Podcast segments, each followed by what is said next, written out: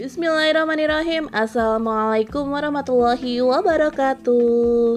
Sahabat, kembali lagi dengan saya Umu Habibah. Bagaimana kabarnya? Semoga senantiasa sehat ya.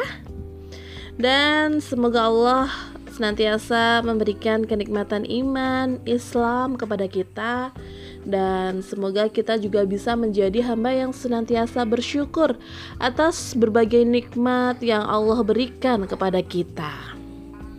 Baik, di kesempatan ini saya akan membacakan tulisan dari Ustadz Irfan Abu Nafid MPDI. Beliau adalah peneliti balaghah Al-Quran dan hadis Nabawi. Judulnya adalah Sabar Berjuang pantang mundur ke belakang. Wow, udah mantap banget ya judulnya ya. Pasti isinya pun luar biasa banget. Jadi tetap stay tune, check it out. Kita simak ya isinya apa. Hmm. Sahabat, kesabaran itu ada batasnya, benarkah? Nah, siapa nih yang sering bilang seperti ini? Aku udah sabar tapi yang namanya sabar kan ada batasnya. Nah biasanya gitu ya di sinetron-sinetron. Atau jangan-jangan kita sendiri yang mengatakannya. Baik sahabat kita lanjut ya. Sebagian orang tampak terkelabuhi lalu menjustifikasi ketidaksabaran dengan kurofat beracun ini. Jika pertanyaannya dibalik adakah manusia yang bisa bersabar di tempat siksa jahanam karena menolak kewajiban bersabar ketika di dunia. Gimana jawabannya? Bisakah kita bersabar ketika disiksa dengan uh, neraka jahanam karena menolak kewajiban ketika kita disuruh bersabar ketika berada di dunia? Tentu tidak sebanding ya. Tentu tidak, gitu kan. Padahal jelas tatkala Allah Subhanahu wa taala memerintahkan setiap insan untuk bersabar, maka mafhumnya kesabaran tidak bisa dibatasi pengakuan manusia, melainkan wajib dilaksanakan sepanjang hayat sesuai syariah hingga tiba masanya manusia menutup mata. Allah berfirman di dalam Quran surat Al-Baqarah ayat 153 yang artinya Jadikanlah sabar dan sholat sebagai penolong kalian. Sungguh, yang demikian adalah berat kecuali bagi orang-orang yang khusyuk. Syekh Ato, uh, Syekh Ato bin Khalil Abu Rushtah dalam At-Taisir fi Usul Al-Tafsir halaman 78 menjelaskan Allah memerintahkan dalam ayat ini untuk mencari pertolongan Allah dengan bersabar ketika menghadapi ujian yang melanda. Dengan itu, seseorang tetap kokoh di jalan kebenaran. Berbagai musibah tidak melemahkan dia. Berbagai rintangan pun tak memalingkan dirinya. Ini sejalan dengan seruan di dalam sur Quran Surat Al-Baqarah ayat 153 tadi. Syekh Atta bin Khalil Abu Rashtah saat menafsirkan ayat ini menjelaskan bahwa kesabaran itu tergambar dalam upaya menyampaikan dan mengamalkan kebenaran serta mampu menghadapi cobaan di jalan Allah Subhanahu wa taala. Berhasil menjalani itu semua berdasarkan tuntunan Allah Subhanahu wa taala dan rasulnya tanpa ada penyimpangan dan sikap lemah menghadapi itu semua. Bisa dilihat di dalam Quran surat Al-Baqarah ayat 249, Quran surat Al-Anfal ayat 46.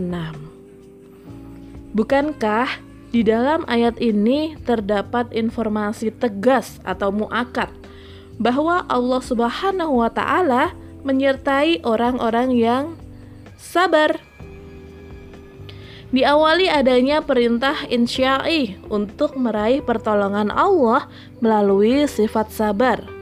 Menjadi petunjuk tegas atau korinah jazimah bahwa bersabar itu wajib. Bagian dari tuntutan dan tuntunan syariat itu sendiri. Dan menjadi sarana untuk menjemput pertolongan Allah Nasrullah. Lantas, Bagaimana bisa dikatakan kesabaran itu ada batasnya atau dibatasi oleh kemauan manusia? Kesabaran itu mencangkup tiga hal. Yang pertama, kesabaran dalam menegakkan ketaatan. Yang kedua, kesabaran dalam menahan diri dari keburukan. Dan yang ketiga, kesabaran dalam menghadapi ujian dari Allah Subhanahu wa Ta'ala. Benarlah sebagian hukoma yang berkata, Kalaulah tiada bencana-bencana hari, tak akan diketahui kesabaran orang-orang mulia, tidak pula kegundahan orang-orang nista. Sahabat, sabar raih semangat dan pahala tanpa batas. Allah Subhanahu wa taala telah menyandingkan keteguhan berdakwah dengan kesabaran itu sendiri di dalam firman-Nya Quran surat Al-Asr ayat 3. Kecuali mereka yang beriman dan beramal solih serta saling menasehati dalam kebenaran dan saling menasehati dalam kesabaran. Ini menunjukkan bahwa kesabaran merupakan penyokong sikap teguh di jalan dakwah. Sabar mencakup keteguhan menapaki titian metode dakwah Rasulullah Shallallahu Alaihi Wasallam. Tak terpalingkan oleh arus praga, pragmatisme dari mereka yang tidak paham tersesat jalan sekaligus sabar menghadapi berbagai rintangan di jalan perjuangan. Ini sebagai pengejauhan tahan di dalam firman-Nya Quran surat Al-Anbiya ayat 35. Kami akan menguji kalian dengan keburukan dan kebaikan sebagai cobaan yang sebenar-benarnya. Hanya kepada kamilah kalian dikembalikan. Ibnu Abbas radhiyallahu an dinukil dalam Tanwir Al-Mikbas halaman 271 berkata, "Kami akan menguji kalian kesusahan, asyidah dan kemakmuran. Aroka yang dimaksud nablukum adalah nakata birukum kami menguji kalian. Bukan berjuang sendiri melainkan berjamaah. Ini tujuannya ditujukan oleh lafal perintah atau tawasyu tawaswasu. Uh, maaf tawasyawu dengan subjek jamak yang menunjukkan interaksi dua sisi dengan wazan tafa'ala. Ahmad bin Al-Amin Al-Shankiti dalam Al-Washid fi Tarajim Udabai Shankit halaman 150 menuturkan saling berwasiatlah dalam kebenaran dan kesabaran. Carilah dalam kesederhanaan itu kelapangan dalam segala keadaan. Bahkan dikatakan dalam Diwan Al-Iman As-Safi'i 204 Hijriah, bersabarlah dengan sebaik-baiknya, lebih mendekat mendekatkan kepada kelapangan, siapa saja yang mendekatkan diri kepada Allah dalam berbagai persoalan akan meraih keberhasilan. Siapa saja yang membenarkan Allah, siksa neraka tak akan menyentuh dirinya. Siapa saja yang berharap kepada Allah, dia ada di mana pun ia berharap. Menariknya, bagi orang-orang yang bersabar, maka akan dicukupkan atau dicangkupkan dengan pahala yang besar. Di dalam Quran surat Az-Zumar ayat 10, sungguh Hanya orang-orang yang bersabarlah yang dicukupkan pahala mereka tanpa batas. Di dalam teladan salaf, kesabaran pun tampak jelas dalam ketela keteladanan generasi salaf yang menghiasi lisan dan perbuatan mereka. Rasulullah Shallallahu Alaihi Wasallam memerintahkan keluarga Yasir bersabar di atas iman hingga ajal menjemput di tempat siksaan kaum kufar Quraisy ketika itu. Hadis riwayat Al-Hakim dan At-Tabrani.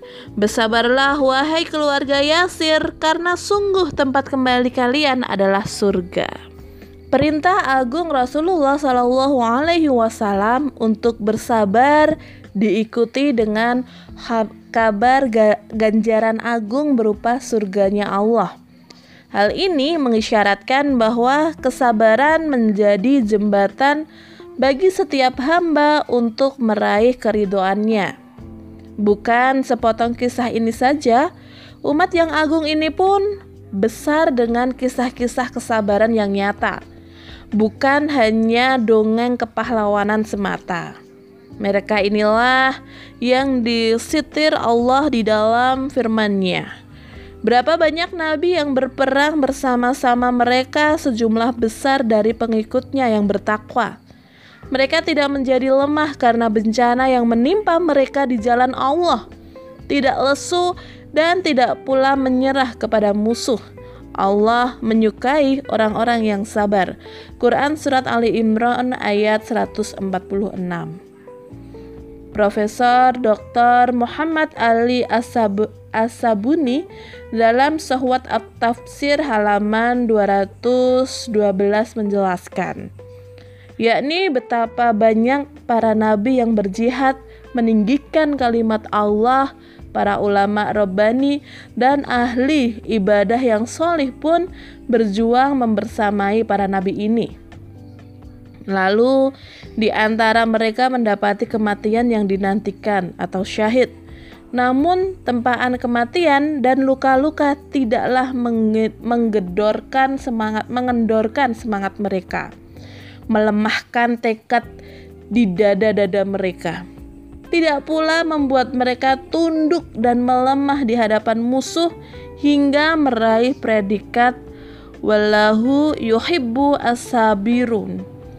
Allah mencintai hamba-hamba hamba-hambanya yang bersabar. Wallahu yuhibbu asabirun. Jadi sahabat dengan sikap sabar Sekali lagi, layar akan terkembang. Pan pantang biduk surut ke pantai. Sekali berjuang, pantang mundur ke belakang. Wallahu a'lam bisawab. Masya Allah. Jadi sebagai seorang pengemban dakwah jangan sampai kita kalah dengan uh, berbagai sikap yang dapat mengendorkan semangat berdakwah kita atau dengan cobaan-cobaan yang senantiasa membersamai perjuangan kita atau membersamai kehidupan kita. Persoalan-persoalan kehidupan, persoalan-persoalan keluarga dengan tetangga, dengan anak, orang tua dan lain sebagainya. Kita harus nantiasa menghadapi itu semua dengan sabar dan menjadikan Islam sebagai tolak ukur dari setiap permasalahan yang kita hadapi. Menjadikan Islam sebagai tolak ukur dalam setiap aktivitas yang kita lakukan. Dan senantiasa menghiasi diri kita dengan kesabaran. Karena kesabaran tidak ada batasnya. Demikian pula dengan sahabat-sahabat semua. Selamat bersabar untuk uh, menanti podcast saya selanjutnya ya. Baik, demikian podcast kita di kesempatan kali ini kita cukupkan. Semoga bermanfaat dan mudah dipahami. Mohon maaf ada beberapa yang memang belibet karena memang memakai bahasa Arab tapi uh, ditulis dengan bahasa Indonesia. Jadi uh, agak belibet aja bacanya gitu ya. Mohon maaf kalau uh, banyak kata-kata yang belibet atau mungkin salah dari uh, pembacaan begitu. Semoga bermanfaat. Tetap stay tune di podcast saya Ummu Habibah. Wassalamualaikum warahmatullahi wabarakatuh.